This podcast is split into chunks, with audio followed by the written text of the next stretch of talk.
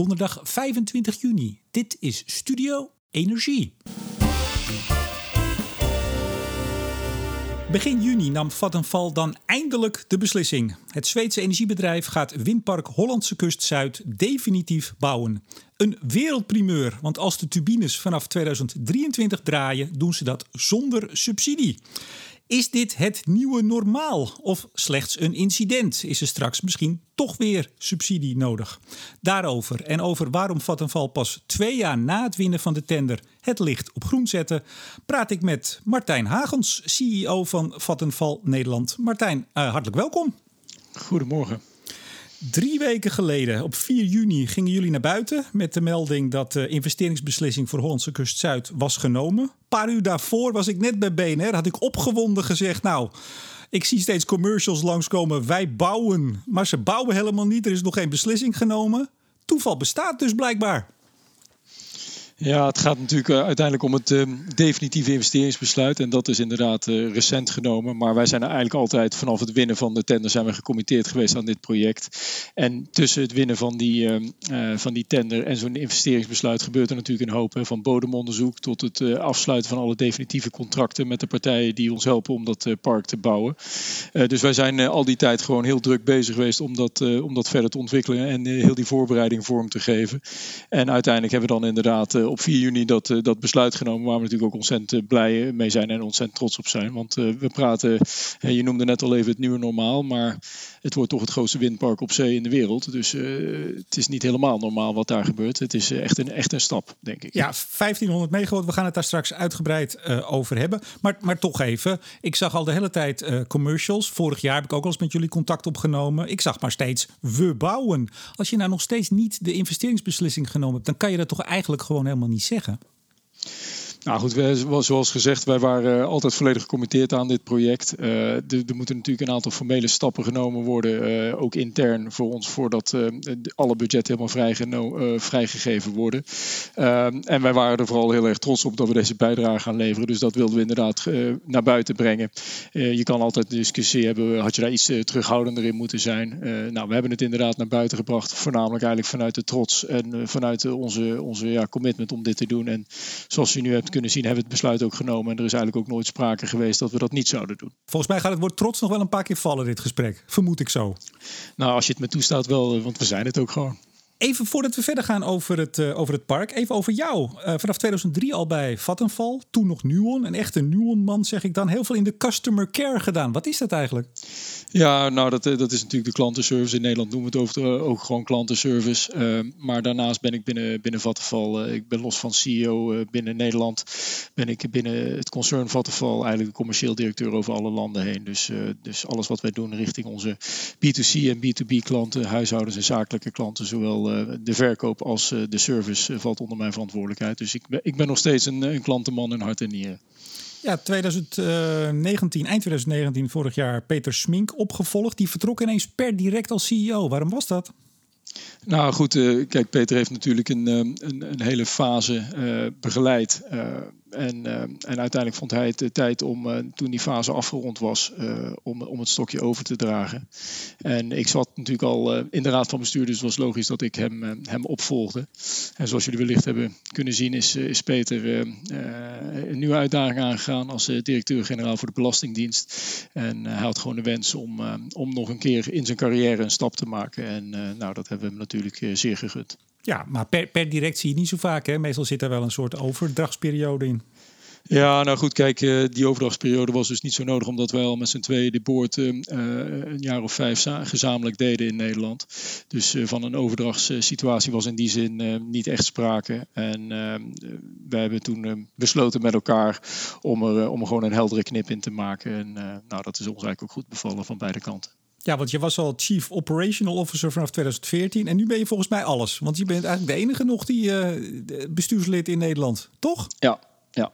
Dat, uh, dat klopt op dit moment. Maar uh, we, gaan een, een, tweede persoon noemen, maar daar zullen we je de primeur nog van geven. Ach, kijk, kijk eens aan. Ja, en je zit dus in het, in het management in, in Zweden van, ja. ja van heel.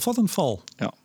Ja, maar dat, lijkt me best een, een flinke uh, commute, zeggen ze in het Engels. Hè? Heen en weer uh, naar Zweden en, en tussen Zweden en Nederland. Nou ja, goed. En ook, uh, en ook Duitsland en, en, Engeland. We zijn natuurlijk in vele markten actief. Dus het betekent inderdaad dat je van tijd tot tijd uh, wel aan het reizen bent. En in die zin is het interessant om te zien dat met deze hele COVID-situatie, uh, waarin het reizen ineens tot nul is teruggegaan, althans het internationaal reizen, dat je ziet dat je eigenlijk ook in die constellatie eigenlijk nog heel goed met elkaar kunt samenwerken.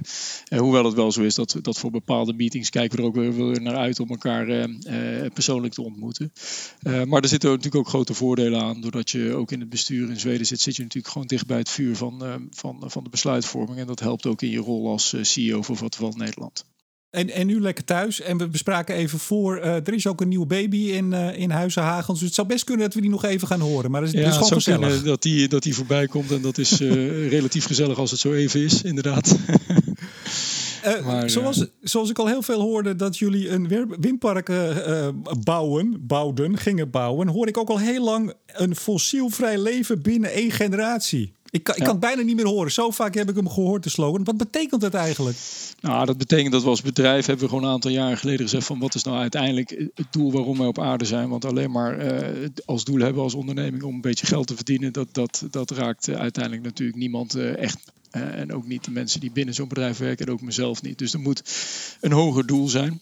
En uh, nou, los van het feit dat wij natuurlijk altijd hebben gezegd van wij, zijn er, wij staan borg voor een, uh, voor, een, voor een betrouwbare energievoorziening. Want dat willen mensen gewoon. Ze willen gewoon comfort. Ze willen gewoon uh, hun apparaten aan kunnen zetten of een fabriek kunnen draaien en daar geen zorgen over hebben. En we hebben ook gezegd we willen eigenlijk die transitie vormgeven. Daar willen we voorloper in zijn. En toen hebben we goed nagedacht als bestuur van nou, hoe gaan we daar nou echt invulling aan, aan geven. En toen hebben we gezegd nou wij willen fossielvrij leven binnen één generatie mogelijk maken. En dat betekent dat we dus de verantwoordelijkheid nemen om ons eigen eigen productiepark fossielvrij te hebben binnen één generatie.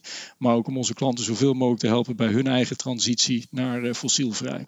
En maar wat is één, één generatie? Want ik zou altijd zeggen, een generatie is een jaar of 25, maar ja. dat is wel heel kort. Ja, nee, maar dat klopt. We hebben dus gezegd uh, dat is. Uh, en, uh, uiteindelijk komt het natuurlijk niet op één jaar aan, maar je moet, het, je moet het wel duiding geven. En de manier waarop we dat duiding geven is dat als een kind wat nu geboren wordt, tegen de tijd dat die persoon kinderen krijgt, um, moet die, um, moeten die in staat zijn om volledig fossielvrij te leven.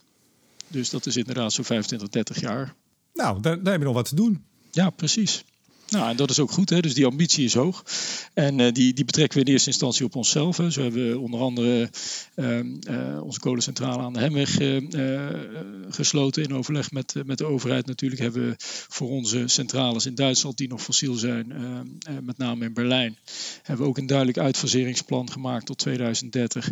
En we investeren natuurlijk het, belangrijkste deel van, van de kaststroom die wij als, als bedrijf genereren, die, die investeren wij terug in de bouw van duurzame energie. Dus we investeren uh, zo'n 1 tot 1,5 miljard per jaar in de bouw van nieuwe uh, fossielvrije opwekking.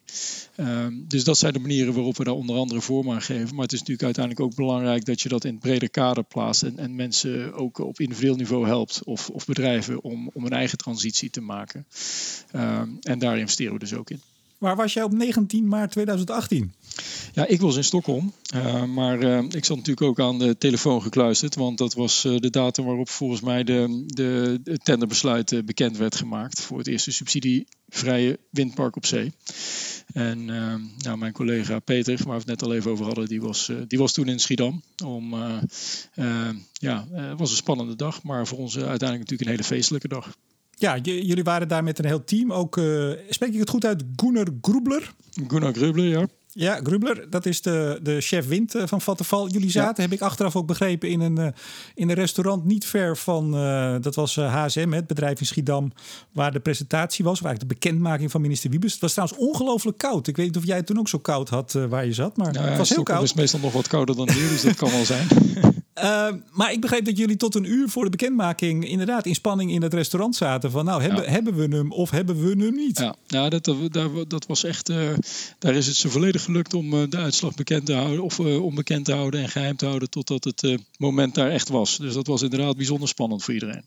Ja, minister Wiebe zei, nou, we hadden vier uitstekende biedingen. Hij was uh, lyrisch, de een nog, ik zou bijna zeggen, uitstekender dan de ander. Dat zijn mijn woorden hoor. Um, jullie zouden de beste garanties hebben gegeven het Hollandse kust Zuid 1 en 2. Hè? Daar gaat het om. Later kregen jullie, komen we zo op, ook nog 3 en 4. Dus het hele park.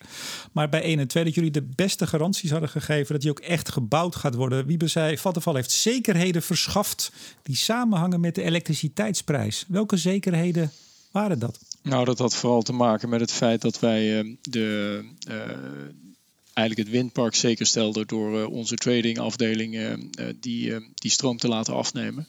Dus er was in die zin een gegarandeerde afname, waardoor we de, de bedrijven die daadwerkelijk het windpark bouwen van afzet garandeerden. Uiteindelijk moesten we natuurlijk nog wel die afzet ook naar onze eindklanten vormgeven. Maar ik denk dat het ook heel erg belangrijk was dat wij bijzonder vergevorderd waren al met, met onze partij waarmee we het windpark bouwen. Om die contracten vorm te geven, waardoor gewoon heel veel vertrouwen was dat ons concept zou werken. Ehm, en uh, nou, je ziet nu dat dat steeds verder opschuift. Hè? Dat ook in die tenders wordt, wordt er steeds meer gekeken of, of je met name de afzet van die stroom um, al geregeld hebt. Omdat er natuurlijk ook wel angst is bij het ministerie dat, um, dat als je het eh, volledig vrijlaat aan de energiemarkt en de, en, en de, de, zeg maar de, de schommeling in de energieprijs, dat het allemaal onduidelijk wordt en onzeker wordt. En daar hint je denk ik net al een beetje op of die parken uiteindelijk gebouwd gaan worden, want er moet wel een business case zijn. En ja, want da, dus, daar, gaan we zo, uh, ja. daar gaan we zo nog even op door, uh, als ik zo vrij mag zijn. Maar even terug naar, naar jullie. Jullie hadden dus beter dan de andere drie daar garantie voor afgegeven. Maar hoorde ik je nog goed dat je zei, ja, wij hadden eigenlijk al de afname door onze eigen trading desk of afdeling? Nou goed, kijk, eh, het, was belangrijk dat wij gewoon aangaven en dat was op dat moment uh, voldoende. Ik denk dat je daarmee nu je tender niet meer zou winnen. Je moet nu gewoon eindklanten hebben die gegarandeerd die stroom afnemen. Uh, althans, dat zijn zekerheden waar de, waar de overheid naar zoekt. Op dat moment hebben wij gewoon de garantie gegeven dat, dat die stroom zou worden afgenomen en dat het park gebouwd zou worden. en, en dat het dus niet op basis van dat er nog een afhankelijkheid was of wij nog contracten met, met partijen zouden sluiten voor de afname van die stroom. Dus we hebben dat gewoon gegarandeerd dat we dat zelf zouden afnemen. Maar hadden jullie toen toch al, misschien nog niet zoveel, de bekende Power Purchase Agreements? Of hadden jullie nog helemaal geen nee, die hadden we toen eindklant? nee, op dat moment waar, was, dat, uh, was dat eigenlijk nog in, in opkomst en waren er nog weinig contracten gesloten. En op, op dit moment is dat nog steeds een. Uh, uh, ik denk dat het verreweg het grootste deel van deze stroomproductie zullen wij ook aan onze klanten in Nederland ten dienste doen komen. en ook gewoon huishoudens willen natuurlijk ook gewoon dat, dat huishoudens mee profiteren van, van deze ontwikkeling. Maar uh, eind november, toen ging de tender eigenlijk lopen. Twee weken daarvoor, toen zei uh, weer uh, Gunnar Grubler, hoofd wind bij jullie. Die zei bij een bezoek aan Amsterdam, hij zegt nou, subsidieloos bouwen, dat is echt een gok.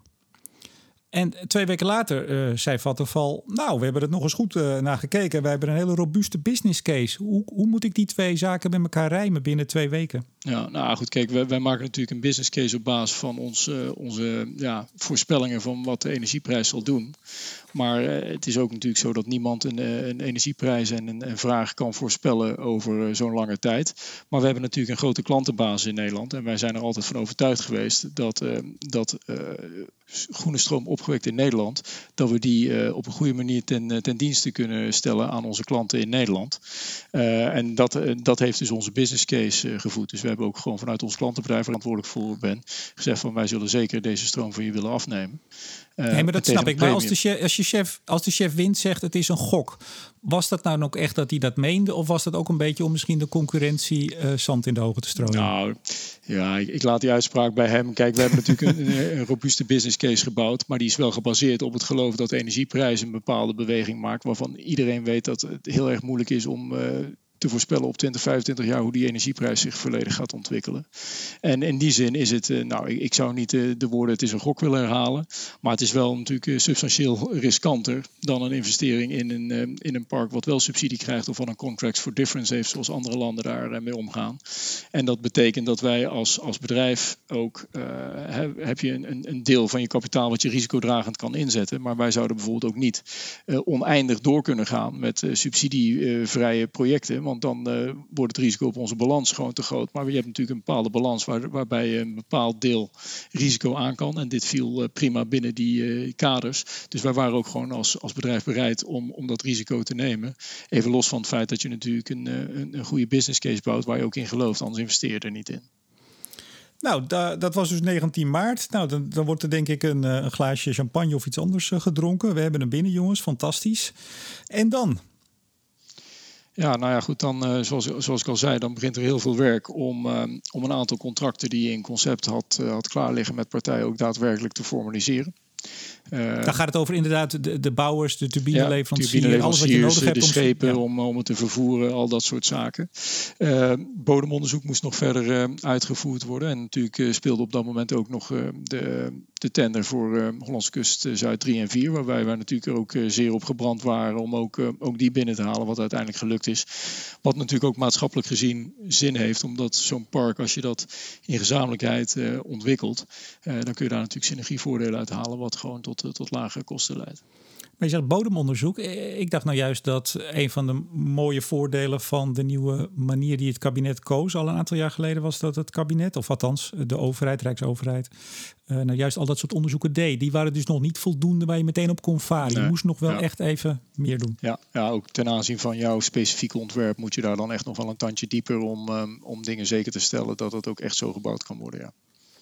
Maar als je zegt, eigenlijk hadden we al heel veel conceptcontracten met partijen uh, liggen. Die zijn we gaan nou, finaal maken, even in mijn woorden.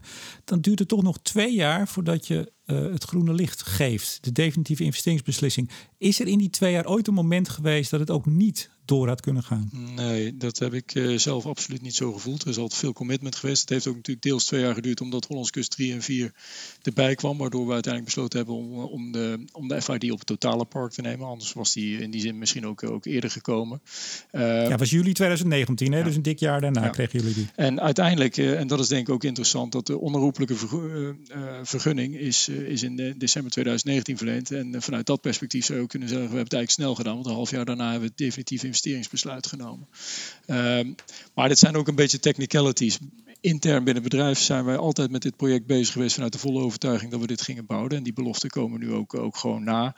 En uh, nou, als het al spannend is geweest, uh, wat, wat, ik dus nogmaals niet, uh, niet zo gevoeld heb, dan is het puur misschien helemaal op het eind geweest. Omdat natuurlijk iedereen zich rond een coronacrisis toch één keer extra beraadt van oké, kunnen we het ook in de tijden van corona en een eventuele economische crisis die daarop volgt, kunnen we dat ook waarmaken? Nou, daar hebben we dan nog even één keer goed naar gekeken. En de conclusie was ja, ook dan kunnen we het waarmaken.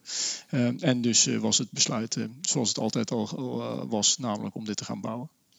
Ja, ik word wel altijd een beetje huiverig als een CEO zegt: Zo heb ik het niet gevoeld. Dat is een hele mooie formulering, maar daar kun je nog altijd onder vandaan als bedrijf. Nee, maar goed, kijk, er zijn natuurlijk altijd overwegingen op het moment dat je een, uh, een, park van deze grootte bouwt. En we hebben gewoon de afgelopen jaar bijvoorbeeld toch gezien dat de elektriciteitsprijs fors lager is. Nou, dat heeft een impact op je business case. En natuurlijk uh, rekenen wij dan door wat, wat dat betekent. En als dat uh, desastreuze gevolgen zou hebben, ja, dan moet je misschien toch op dat moment heroverwegen. Alleen wij zijn vrij snel eruit gekomen dat het weliswaar een, een, stukje verslechtering van de business case betekende.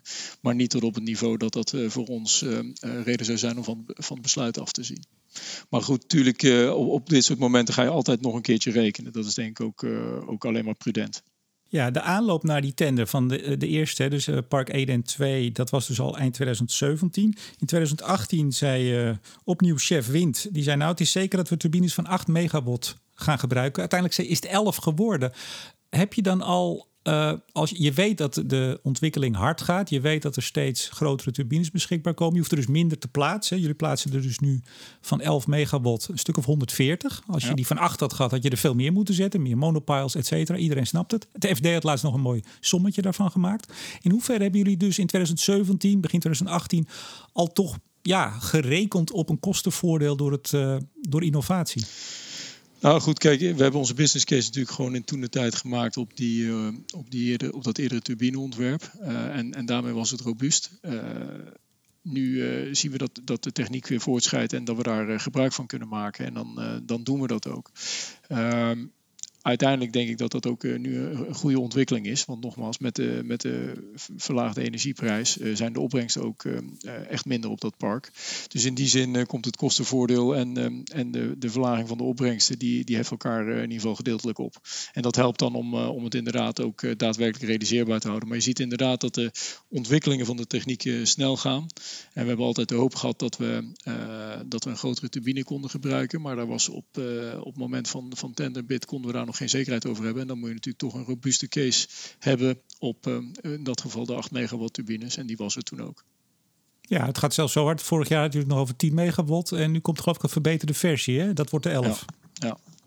En uiteindelijk komt er dan een, een keer een moment, uh, dan moet je echt committen en dan moet je gaan bouwen. En dat, uh, dat punt hebben we dan nu bereikt. En uh, ja, dan, dan is dat ook wat we, wat we inderdaad zullen neerzetten.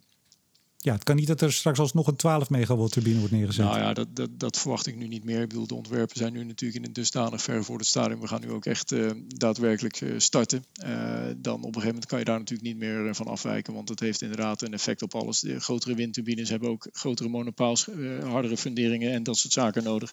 Dus op een gegeven moment ben je wel aan je limiet. Hoeveel investeert Vattenfall in dus de twee parken bij elkaar 1500 ja, megawatt? Ja, dat is ongeveer 2,5 miljard. Is een uh, aardig centje. Ja, er zijn dagen dat niet uitgeven. Nee, maar dat was dus ook uh, bij ons als, als bedrijf. En dat is ook gewoon uh, waarom het ook bij ons natuurlijk een, een, groot topic is. Het is het grootste investeringsbesluit wat we in de afgelopen tien jaar hebben genomen. dus dat is ja, ook voor ons geen alledaagse koek. Ga je er geld mee verdienen? Uh, ja, daar gaan we wel vanuit. Anders hadden we er ook uh, niet op, uh, op geboden. Maar nogmaals, het is, het is geen risicovrij geld, want het is subsidievrij. Dus dat betekent dat uiteindelijk hoeveel we ermee gaan verdienen, dat weten we pas over, over behoorlijk wat jaren. Maar wij gaan ervan uit dat we er een fatsoenlijk rendement op kunnen halen. Maar er kunnen ook redenen zijn als bedrijf om te zeggen, nou, we willen wel we accepteren wel wat minder rendement. We willen investeren in innovatie, in imago wellicht. In hoeverre speelt dat mee? Nou, oké, ik denk wat, wat gewoon interessant is als je kijkt. We hebben natuurlijk doelstellingen ook vanuit onze eigenaar. Onze eigenaar is de Zweedse staat. En uh, omdat we juist hebben gezegd, wij willen investeren. Wij, we hebben deze missie om fossielvrij leven binnen één generatie mogelijk te maken. Heeft de Zweedse staat ook als eigenaar de rendementseisen op Vattenfall verlaagd. Om ons ruimte te geven om die investeringen te kunnen doen. Dus dat is denk ik inderdaad precies zoals je het zegt. Juist om die missie vorm te geven, hebben wij het financiële rendement teruggeschroefd. Vorige maand in mei uh, kwamen een aantal partijen naar buiten. Uh, ik geloof dat de NOS er eigenlijk als eerste mee kwam. Het ging over Hollandse kust Noord. Daar bieden jullie overigens niet op mee, hè? Of hebben nee. jullie niet meegeboden? Nee. Die zeiden van, en onder andere Ørsted zei van ja, die subsidieloze tenders op termijn is dat geen duurzame manier van aanbesteding. Is dat zo? Nou, we hebben er veel discussies over gehad. En er is natuurlijk onlangs ook een onderzoek geweest ook van het ministerie van Economische Zaken. Waarin duidelijk blijkt dat, uh, dat subsidievrij uh, best een ingewikkelde business case is. En hoe meer er ontwikkeld wordt, hoe slechter die business case natuurlijk wordt. maar dat is uiteindelijk natuurlijk niet wat we willen. Want we willen dat die ontwikkeling doorgaat. Je ziet dat andere landen hebben ook bijvoorbeeld Contracts for Difference als systeem gekozen. Waarbij je biedt op een bepaald prijsniveau. Als de prijs hoger is, betaal je terug. Als de prijs lager is, dan, dan krijg je een stukje hulp. Dus dat is een, een park met, met meer zekerheid in die zin. Nou, in Nederland is dat, is dat pad niet gekozen. En het is moeilijk om, om, om daar dan weer op terug te komen. Want dan krijg je ook weer een rare mix van, van deels subsidieloze en deels wel met subsidieparken. Die later zijn vergund. Dat zou ook een rare situatie zijn.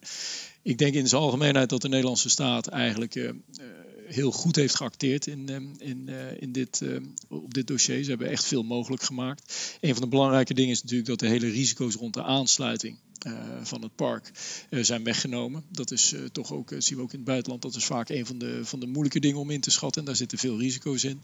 Nou, dus dat risico is al afgedekt. Dus dat staat wel tegenover dat subsidievrije, als ik heel eerlijk ben. Maar vervolgens is het nu wel zo dat, uh, ja, zeker als die elektriciteitsprijs lang, langere tijd laag zal zijn, ja, dan komt dat op een gegeven moment natuurlijk toch in de knel. Dus uh, wij zien een aantal zaken wat, uh, wat de overheid kan doen om dat toch te blijven stimuleren. Nou, enerzijds dus dat Contracts for Differences, maar dat is misschien moeilijk om daar als, als, als Nederlandse overheid naar, naartoe te, te, te gaan. Maar wat je... Ja, ik ga je even onderbreken, ja. want volgens mij ga je een heel lang verhaal afsteken. En dat wil ik een beetje in stukjes opknippen als je het goed vindt. Dat mag ook.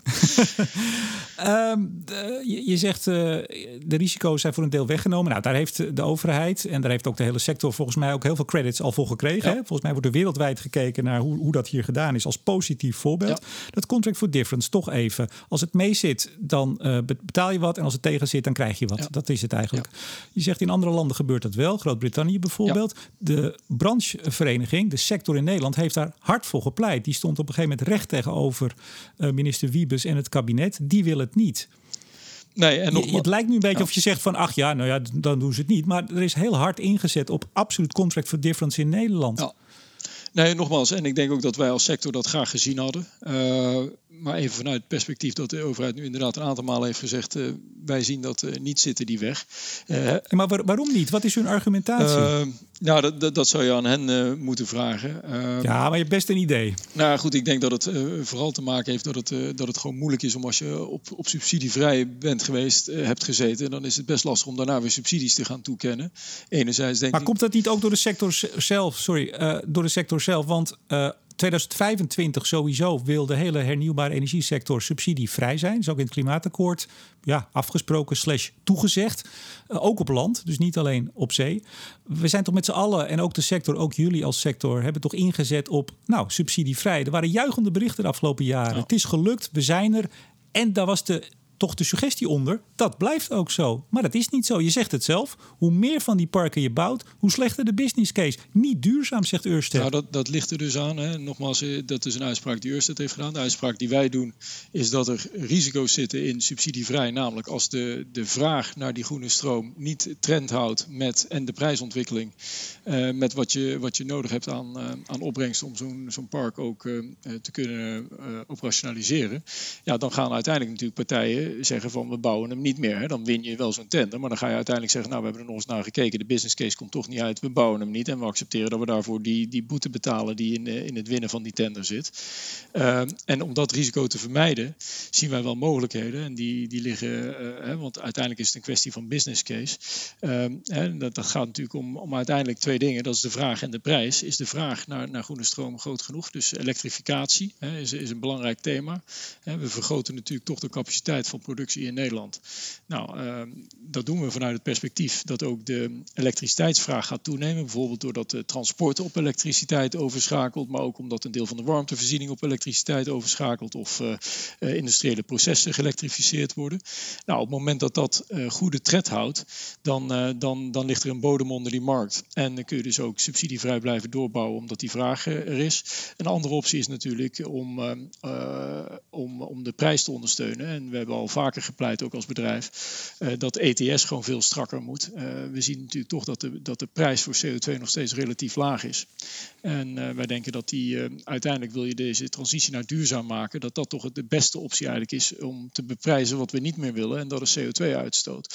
Dus wij hebben ook als, als bedrijf altijd gezegd, in, in plaats van subsidies hebben wij liever een hogere CO2-prijs. Ja, maar die is niet even 1, 2, 3 als Nederland in Europa omhoog te trekken. Nee, dat klopt. Maar dat is dus wel waar, waar je op een gegeven moment de, discussie over moet hebben. En als je me vraagt wat is onze positie, is dus niet zozeer van wij willen per se dat die contracts for difference er komen. Dat is een alternatief. Dat had, had ooit gekund. Ik denk dat het moeilijk is om daar naartoe terug te gaan. Maar dat betekent dus als je dan uh, ook als overheid bids uh, subsidievrij wil laten doorlopen, ja, dan komt er ook een verantwoordelijkheid bij komen. Dat je namelijk dan dus gaat zorgen dat je je ook hard maakt als overheid om die vraag te stimuleren. En ook om die CO2-prijs en in Europees verband dat je dus uh, gaat aanspreken dat dat ETS uh, wordt verringd. dus... Maar, maar dat, dat doet het kabinet. Sterker nog, die pleit al heel lang vanaf het aantreden voor 55% reductie in 2030. Uh, er komt in Nederland een extra CO2-heffing, allemaal pogingen. Maar als dat nou niet lukt, kijk, je kunt zeggen: uh, we, we, denken dat het nodig is, we vinden dat het nodig is. Die ETS of de CO2-prijs omhoog. Die andere is de, CO of de elektriciteitsvraag stimuleren. Ja. Dat is dan de, tweede lijn hè, waar ja. de sector nu ook op inzet. Maar dan gaat het vooral over de industrie. 1 juli is er ook een uh, event, hè, Wind Meets Industry, waarin ze samen optrekken. Maar ik begrijp altijd dat die industrie, de grote afnemers, de grote potentiële afnemers van stroom, helemaal niet zo makkelijk en zo snel over kunnen op elektrificatie. Nee, dus dat zal ook een, een, een, een ja, dat zal gewoon tijd vergen. Daar zijn we ons allemaal bewust van. Maar ook, ook het bouwen van nieuwe windparken is niet van de ene op de andere dag. Dus het gaat er met name om dat dat een beetje gelijke tred houdt. En we zien natuurlijk ook elektrificatie vanuit de vervoer en, en warmtevraag komen. En alle beetjes helpen wat dat betreft. Maar dat is dus onze insteek op dit moment. En uiteindelijk kom je natuurlijk elke keer als bedrijf op de overweging bij, bij een nieuwe tender voelen we ons er goed bij om, om daarop te bieden als dat subsidievrij is. En we zullen elke keer die business case maken waarbij, nogmaals, wij zijn een bedrijf waarbij de rendementseisen omlaag zijn geschroefd, zodat we ruimte krijgen om dit soort investeringen te doen. Uh, maar we zijn geen eh, NGO in die zin, dus wij zullen altijd onze missie van fossielvrij binnen één generatie proberen te verenigen met een, met een, met een, met een redelijk rendement. Ja, maar wordt dit niet gewoon een klassiek kip-ei situatie? Jullie hebben zo'n vijf jaar nodig uiteindelijk all in all om zo'n park te ontwikkelen. Uh, elektrificeren van een industrieel proces en meegaan in de volgende investeringsronde of de volgende turnaround. Dat kan zo tien jaar duren. Hier, gaat toch een impasse ontstaan of uh, zie ik dat nou te somber? Ja, ik denk dat je dat iets te somber ziet. Nogmaals, het risico zien wij ook. maar op dit moment zitten we natuurlijk ook nog in Nederland überhaupt met een, eigenlijk nog een heel laag aandeel duurzame energie in de mix. Dus er is nog veel ruimte. en in, die zin is, hoort daar natuurlijk niet alleen discussie bij over vraag vergroten of CO2 beprijzen. Maar daar hoort ook een vraagstuk bij wanneer worden kolencentrales in Nederland uitgefaseerd of in Duitsland. Want dat zijn natuurlijk ook elementen die die, die prijs beïnvloeden en die de kansen voor subsidievrije wind vergroten. Is wind op land of op, op zee, maakt mij even niet uit, in 2025 subsidievrij? Ja, dat denk ik wel. Maar in ieder geval in Nederland. Maar nogmaals, in andere landen gebeuren er andere dingen. En dat is dus iets wat zou kunnen gebeuren. Dat bepaalde investeringen niet meer in Nederland uh, worden door bedrijven zoals de onze.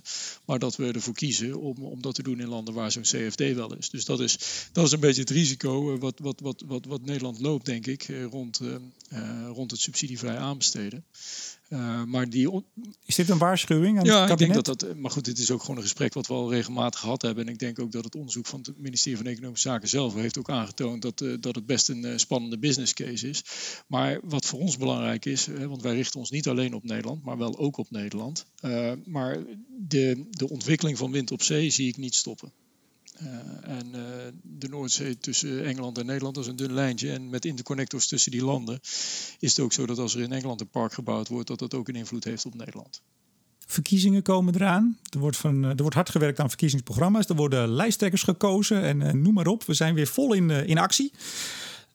Martijn Hagens mag even tegen de schrijvers van de verkiezingsprogramma's een lijstje doorgeven. Laten we dat even doen.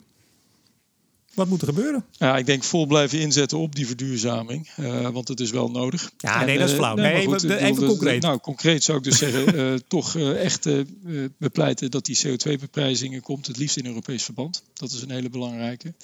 Ehm, ik denk dat meer, meer dan die heffing die nu in Nederland er bovenop wordt gezet? Want daar, daar, wordt al van gezegd, het is veel te weinig. Hè, en het, hij gaat pas effect hebben vanaf 2024. Ja. Steviger, misschien wel een vlakke heffing? Ik zeg nou, dat, dat, dat, zou kunnen. Maar wat, wat vooral belangrijk is, is dat je, dat je als land een stap zet. Want dat stimuleert andere landen om hetzelfde te doen. En uh, ik denk dat dat een, een hele belangrijke is. En dat zien we vaker. Dat uh, voorlopers krijgen toch navolging. En misschien moet je niet dan meteen kijken of, of Polen mee gaat doen. Maar wat voor ons natuurlijk vooral belangrijk is, gaat Duitsland meedoen. En in die zin, en dat klinkt misschien cru, maar uh, de, de, waarschijnlijk zijn politieke verkiezingen in Duitsland voor ons belangrijker qua, qua uh, elektriciteitsprijs in Nederland dan de besluiten die je als Nederlandse overheid kan nemen. Uh, maar ik zou dus inzetten op, um, op verhoging van de, van de CO2-prijs Europa breed. en als dat te lang uitblijft, dan ga je daar druk op zetten door dat zelf te doen.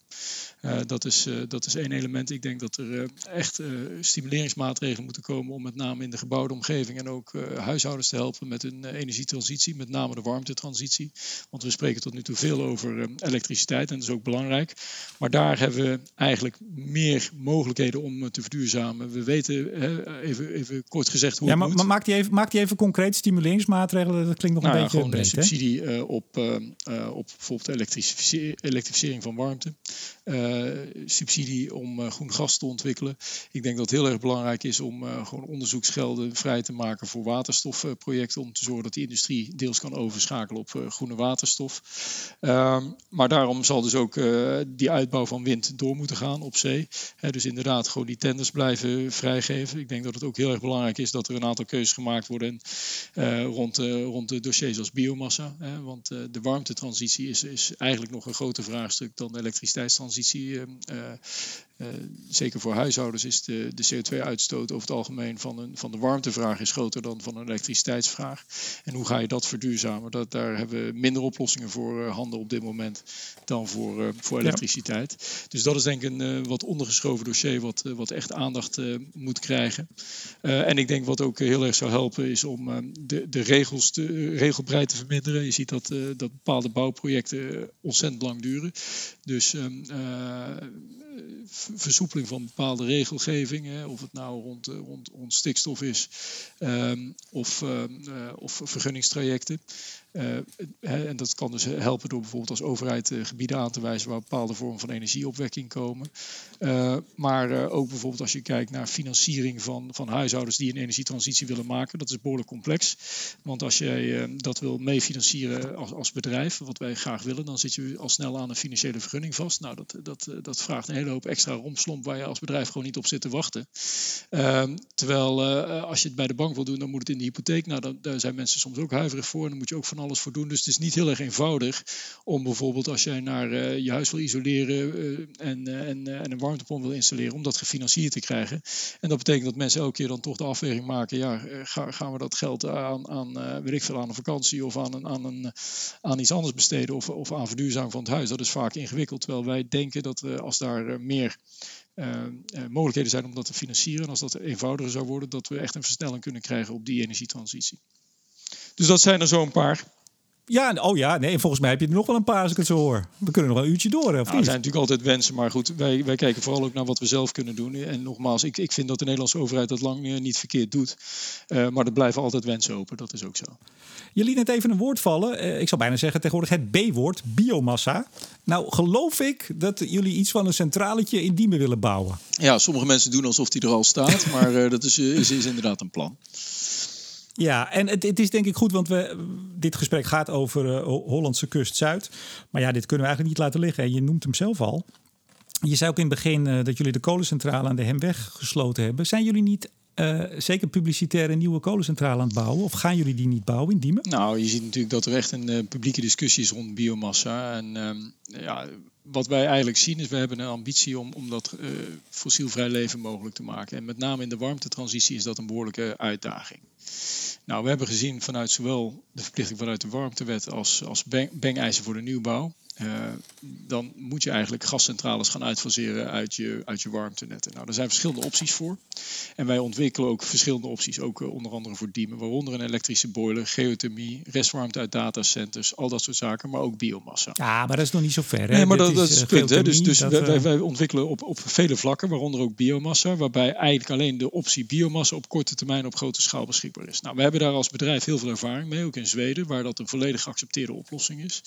Um, en wij wij zijn ervan overtuigd dat dat op een verantwoorde en duurzame manier kan worden toegepast in Diemen. We hebben daar ook convenanten. Ja, en inmiddels zijn jullie zo ongeveer de enige die dat nog denkt. Nou, Niet helemaal. Ik zeg het wat zwart-wit, maar heel veel uh, partijen, zoals bijvoorbeeld het uh, ChristenUnie D66, onlangs nog vlak voor het uh, debat in de Kamer met de minister, stop met subsidies nieuwe biomassacentrales. Ja. Dat was het persbericht wat ze naar buiten brachten. Ze hebben het uiteindelijk niet doorgezet. Ze hebben niet een motie van GroenLinks van in, met deze strekking gesteund. Anders was het namelijk al over en uit. Er is dus geen draagvlak. Gemeente Diemen heeft vorige week nog een brief aan de Kamer gestuurd. Ik vat hem heel kort samen. Je kent hem vast. Hou alsjeblieft op, hou die centrale tegen. Dat is eigenlijk hun pleidooi.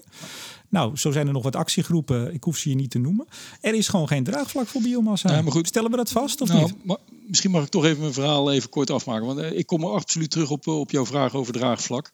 Uh, kijk, wij hebben uh, wij dachten iets goeds te doen, want wij geven invulling aan iets wat we in het klimaatakkoord met elkaar hebben afgesproken. Waarbij we ook met de gemeente Diemen, maar ook met eh, Amsterdam, Wees, Gooise Meren, provincie Noord-Holland, zijn we convenant overeengekomen hoe we dat duurzaam zouden kunnen doen. Dus dat is, dat is één aspect. En uh, het is heel duidelijk, en dat is ook denk ik een van de redenen waarom uh, uiteindelijk een D66 ook niet doorzet met zo'n motie. Uh, in Politiek Den Haag weet iedereen dat we de Europese doelstellingen niet gaan halen als biomassa uit de mix genomen wordt. Dus we zitten daar een beetje klem met z'n allen. Uiteindelijk wat wij hebben gedaan is we hebben een klimaatakkoord gesloten. Want wij zijn niet per definitie een biomassabedrijf. Wij zijn een bedrijf wat energie voorziet, waaronder warmte. En we hebben als missie om dat te verduurzamen. Nou, in het kader van het klimaatakkoord hebben we met meer dan 300 partijen, waaronder ook de overheid, hebben we afgesproken dat dit een rol krijgt. En wij zijn dat gaan uitwerken. Nou, vervolgens zien we nu dat er inderdaad uh, een enorme publicitair offensief eigenlijk start en dat de publieke discussie rond biomassa toeneemt. En wij zijn niet doof voor dat geluid, maar we missen wel de nuance in dat debat. Uh, maar, maar toch even, ik, ik, ik onderbreek je mhm. even. Um, je, je, zegt eigenlijk, en uh, dat, dat klopt, uh, het speelt al natuurlijk langer, het energieakkoord, biomassa, ja, ik moet bijna zeggen had, heeft, had, een belangrijke rol in onze ambities. Ja. Uh, dan is er een kabinet die, die steunt dat. Er is subsidie voor. Jullie hebben je vergunning inmiddels binnen.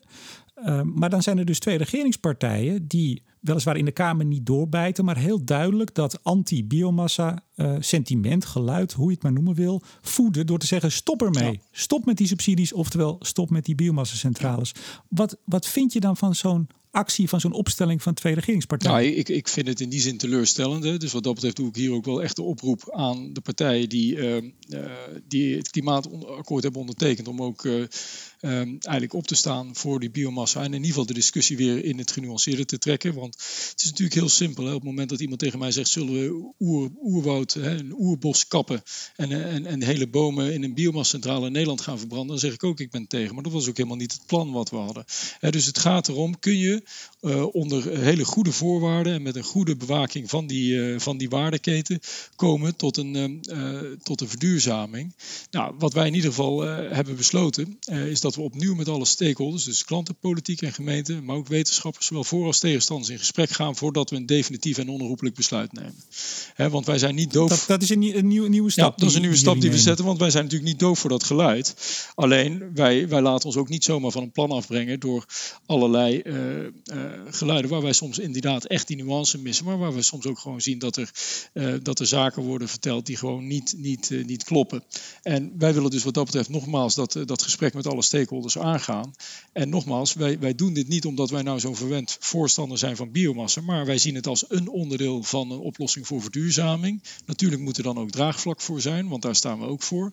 Uh, maar we hebben het vooral, uh, zijn we dit soort trajecten gaan ontwikkelen vanuit het perspectief dat we met elkaar een klimaatakkoord hebben afgesproken. En ook het ministerie houdt vooralsnog gewoon vast aan het klimaatakkoord. En wat ik dus denk dat op dit moment heel erg belangrijk is, is dat, dat de politiek zich ook dus, en de mensen die, die dat klimaatakkoord hebben mee ondertekend, ook weer gewoon die nuance rond biomassa opzoeken. Want al deze discussies rond wat is duurzaam, rond biomassa en wat niet, welke opties vinden we wel acceptabel, welke niet, hebben we ook in dat kader met elkaar besproken. En we zien nu dat dat, dat met name de voorbeelden waarvan we ook in het klimaatakkoord hebben gezegd, dat is niet de manier waarop je biomassa inzet. Die worden nu als voorbeelden aangehaald van wat we niet moeten willen. Maar dat waren we eigenlijk al overeengekomen. Dus daar is ja, maar geen probleem. Denkt, denkt u dat, die, dat u die nuance weer in het debat krijgt? In alle Nou, ik denk dat dat moeilijk zal zijn, maar wij gaan toch die poging wagen. En wij zullen die optie blijven ontwikkelen. Maar nogmaals, wij zijn niet doof voor die discussie. En op dit moment uh, uh, wordt dat warmtenet gevoed vanuit aardgas. En ik denk dat we met de klanten en de stakeholders opnieuw met elkaar in gesprek moeten gaan. Van jongens, als we dat willen verduurzamen, wat zijn onze opties? En op welke termijn willen we verduurzamen? Want op het moment dat je zegt van ja, wij willen die CO2 omlaag krijgen al in de komende jaren. Dan denken wij dat je niet om die optie verantwoorde biomassa heen kan. Hè, nogmaals, onder, onder hele belangrijke voorwaarden. Uh, uh, op het moment dat je als overheid en als samenleving zegt van nou weet je wel, wij vinden het eigenlijk wel volledig acceptabel uh, om, om bepaalde CO2-doelstellingen niet te halen en om aardgas te blijven gebruiken, ja, dan kunnen we daar ook over in gesprek gaan. Ik bedoel... Maar de, de essentie van de, van de kritiek uh, en die is er ook uh, van, het, we hebben het niet alleen over politiek, maar die zijn, is er ook van bepaalde wetenschappers ja. die zeggen nee, biomassa is juist slechter voor onze uitstoot. Ja. Daar kwam dan weer onlangs een, een brief van een aantal uh, ook experts uh, die weer kritiek hebben. Ja, we, we, hebben kritiek op elkaar allemaal. Op, op het uh, commissie Remkes rapport, waarin dat eigenlijk ook staat. Hè, van stop nou maar met die subsidie. Want eigenlijk is biomassa helemaal niet minder uitstotend. Sterker nog, zelfs meer. D66, vorig jaar nog, Matthijs Sinot, Kamerlid, die zei op Radio 1... Uh, ja, wij hebben liever, als we moeten kiezen, hebben we liever aardgas dan biomassa. En onlangs, u zult het vast uh, gehoord hebben, Urgenda, Marjan Minnesma, die ook, had weliswaar een aantal nuances erbij, zeker. Maar ze zei, oké, als ik het cru moet stellen, kun je beter uh, aardgas verbranden in een boom planten dan biomassa in een boom planten. Dan, dan is die discussie, en zeker als je ook in Den Haag kijkt, die is toch bijna niet meer te kantelen? Of hebben jullie echt die hoop? Of is dit gewoon uh, de aftocht voorbereiden? Nee, Want zo, zo klinkt nee, het bij mij als nee, ik het, is, nee, het is niet de aftocht voorbereiden. Nogmaals, wij zullen die optie... Wij denken ook dat het een belangrijke optie is. En wij zien verduurzaming wat dat betreft... dat is niet het een of het andere. En wat ik net ook al zeg... Wij, wij zijn aan het kijken niet alleen naar een biomassa-optie. En dat zou ook niet een volledige warmtevoorziening op basis van biomassa zijn. Dat zou een onderdeel dan ervan zijn. We praten ook... Hè, wij zijn een van de eerste partijen in Nederland... die hebben gezegd... wij gaan ons warmtenet volledig openstellen... voor andere duurzame bronnen. Dus als iemand een duurzame bron heeft kom naar ons toe. Wij gaan kijken of we die kunnen aansluiten. Want wij hebben alles nodig om tot een uh, verduurzaamde warmtevoorziening te komen. Uh, de hele biomassa is natuurlijk uh, een, een, invulling ook in het klimaatakkoord. Waarbij we weten dat als we aan en daarom is ook vanuit de politiek, en daarom zie je ook dat er niet wordt doorgepakt. En dat is voor ons een vervelende situatie, want het wordt in een verdomhoekje geplaatst eigenlijk. En iedereen spreekt zich openlijk tegen uit. Maar uiteindelijk weet iedereen dat het nodig is om die doelstellingen te halen. En ik denk dat daar, daar ligt de eerste keus van willen we die doelstellingen halen of niet? Willen we die CO2 omlaag brengen? Zeker op het moment dat je praat over zo'n centrale als die wij zouden bouwen.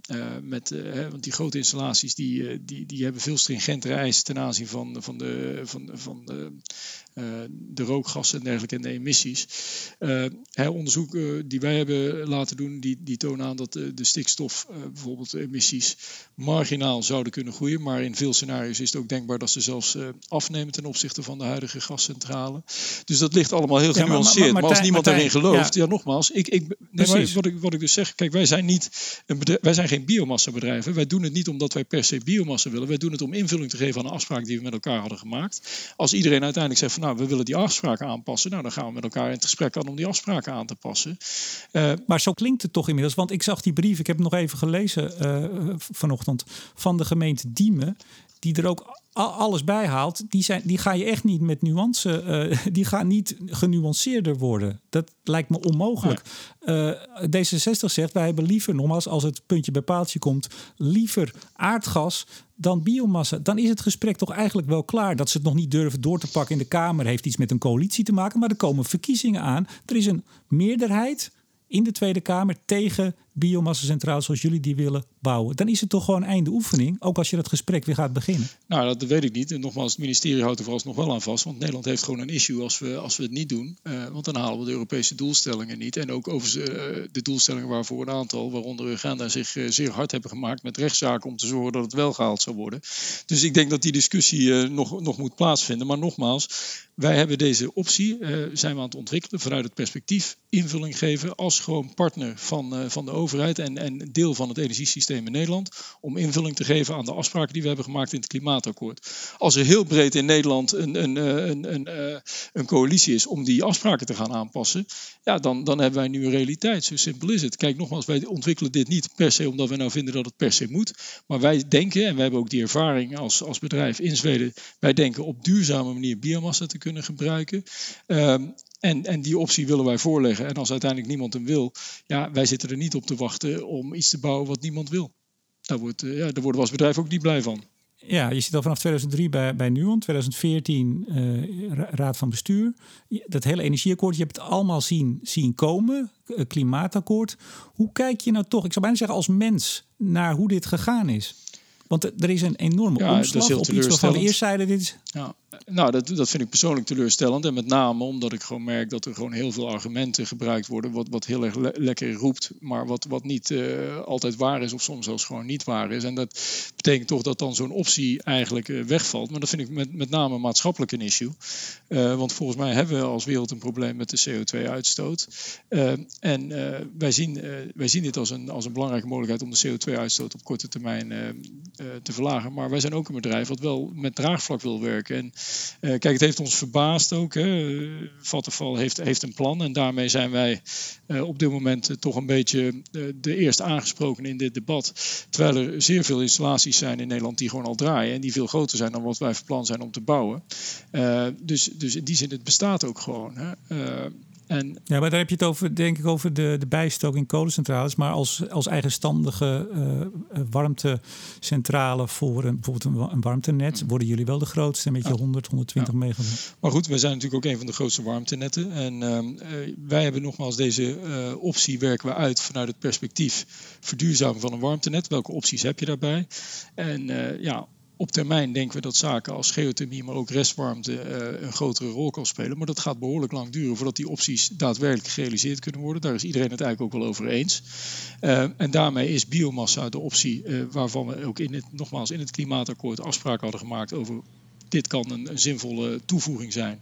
Uh, en vanuit dat perspectief zijn we dat gaan ontwikkelen. Nou, we weten ook dat dat een behoorlijke verlaging van de CO2 en een minimale impact op stikstof uh, gaat hebben. En in die zin denken wij dat het een, eh, een goede optie is.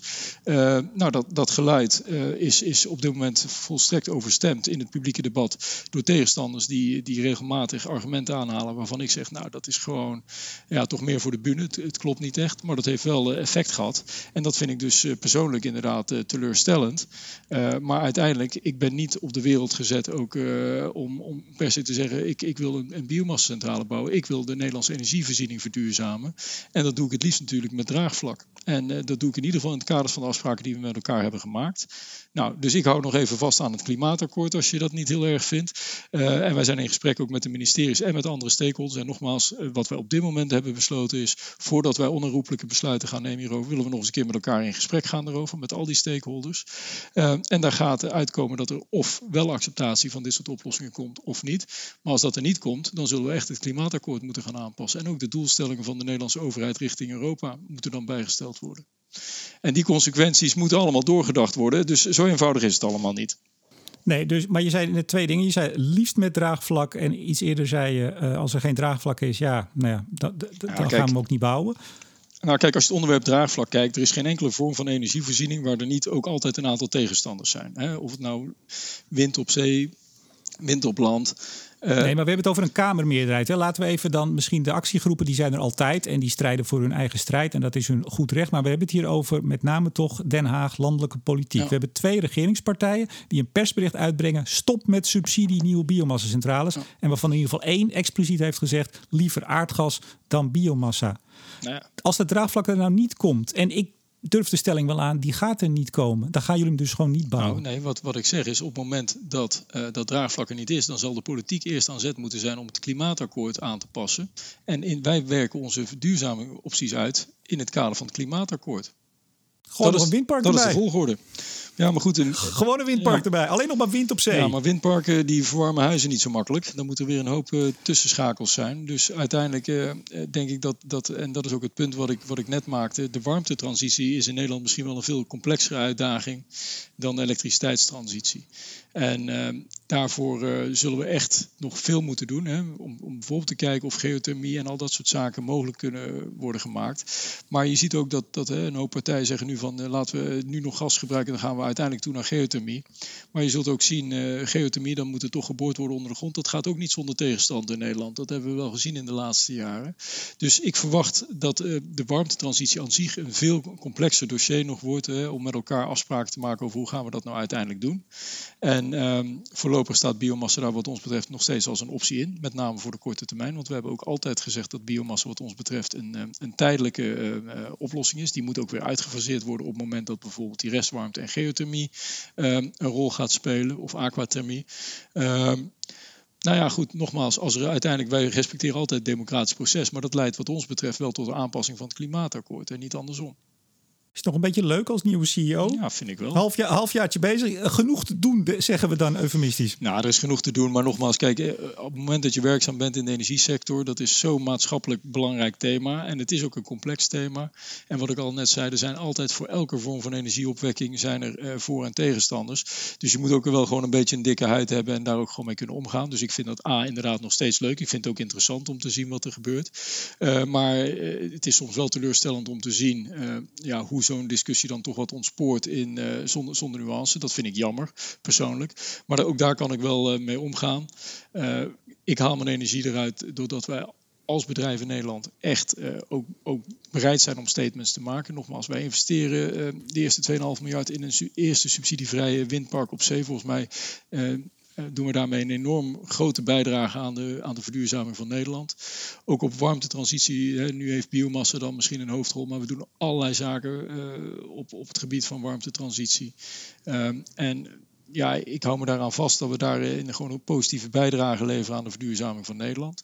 Uh, nou, daar hoort ook wel eens een keer een, een ingewikkelde discussie bij en die hebben we dan nu te pakken. Martijn Hagens, CEO van Vatten van Nederland. Hartelijk dank voor het gesprek. Dankjewel. Mijn naam is Remco de Boer. Graag tot volgende keer bij Studio Energie.